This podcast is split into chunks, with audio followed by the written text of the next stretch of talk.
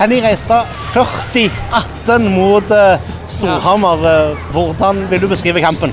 Nei, Det er jo helt ekstremt, egentlig, den eh, kampen i dag. Vi fikk en veldig god start og, og bare bra driv for å kunne klare å løpe på det hele tiden, egentlig. Så vi fikk det hadde det overskuddet, følte jeg, da, at vi kunne løpe. Og så fikk vi samla opp noen krefter igjen i forsvar. For de kjørte jo ikke etter så mye, de heller. Så da fikk vi samla opp noen krefter og egentlig kjøre etter nesten hver gang. Så det ble litt sånn kontrakamp for vår del. Du ble jo kåra både til toppskårer, men også til eh, dagens beste Vipers-spiller. Hva syns du sjøl om din egen innsats? Ja, nei, jeg, jeg syns det er jo litt slurv til tider, men, det med, det med, men, jeg, men eh, jeg er fornøyd med, med, med, innsatsen i dag. Og jeg føler at vi får utnyttet eh, sammen som lag og, og, eller de styrkene jeg har, da, så vi får brukt det godt. Så jeg er fornøyd, ja.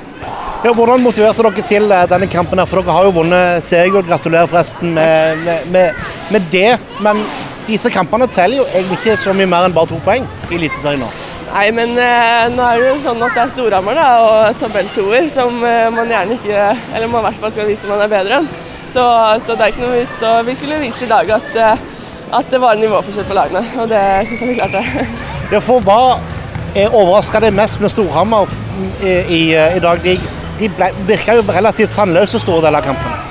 Ja, jeg syns at uh, til tider så kunne de komme med, med, noe bra i angrep, men så, uh, men så, står vi veldig godt i forsvar, som gjør at, uh, at vi klarer å være litt frampå i returen. Så de Nå vet jeg ikke om det er vi som gjør et ekstremt godt ankomstspill, eller de som kanskje slakker litt i returen, men det er den, er litt den balansen der som jeg tror vi utnyttet godt, og de kanskje hadde litt sånn svakhet i dag.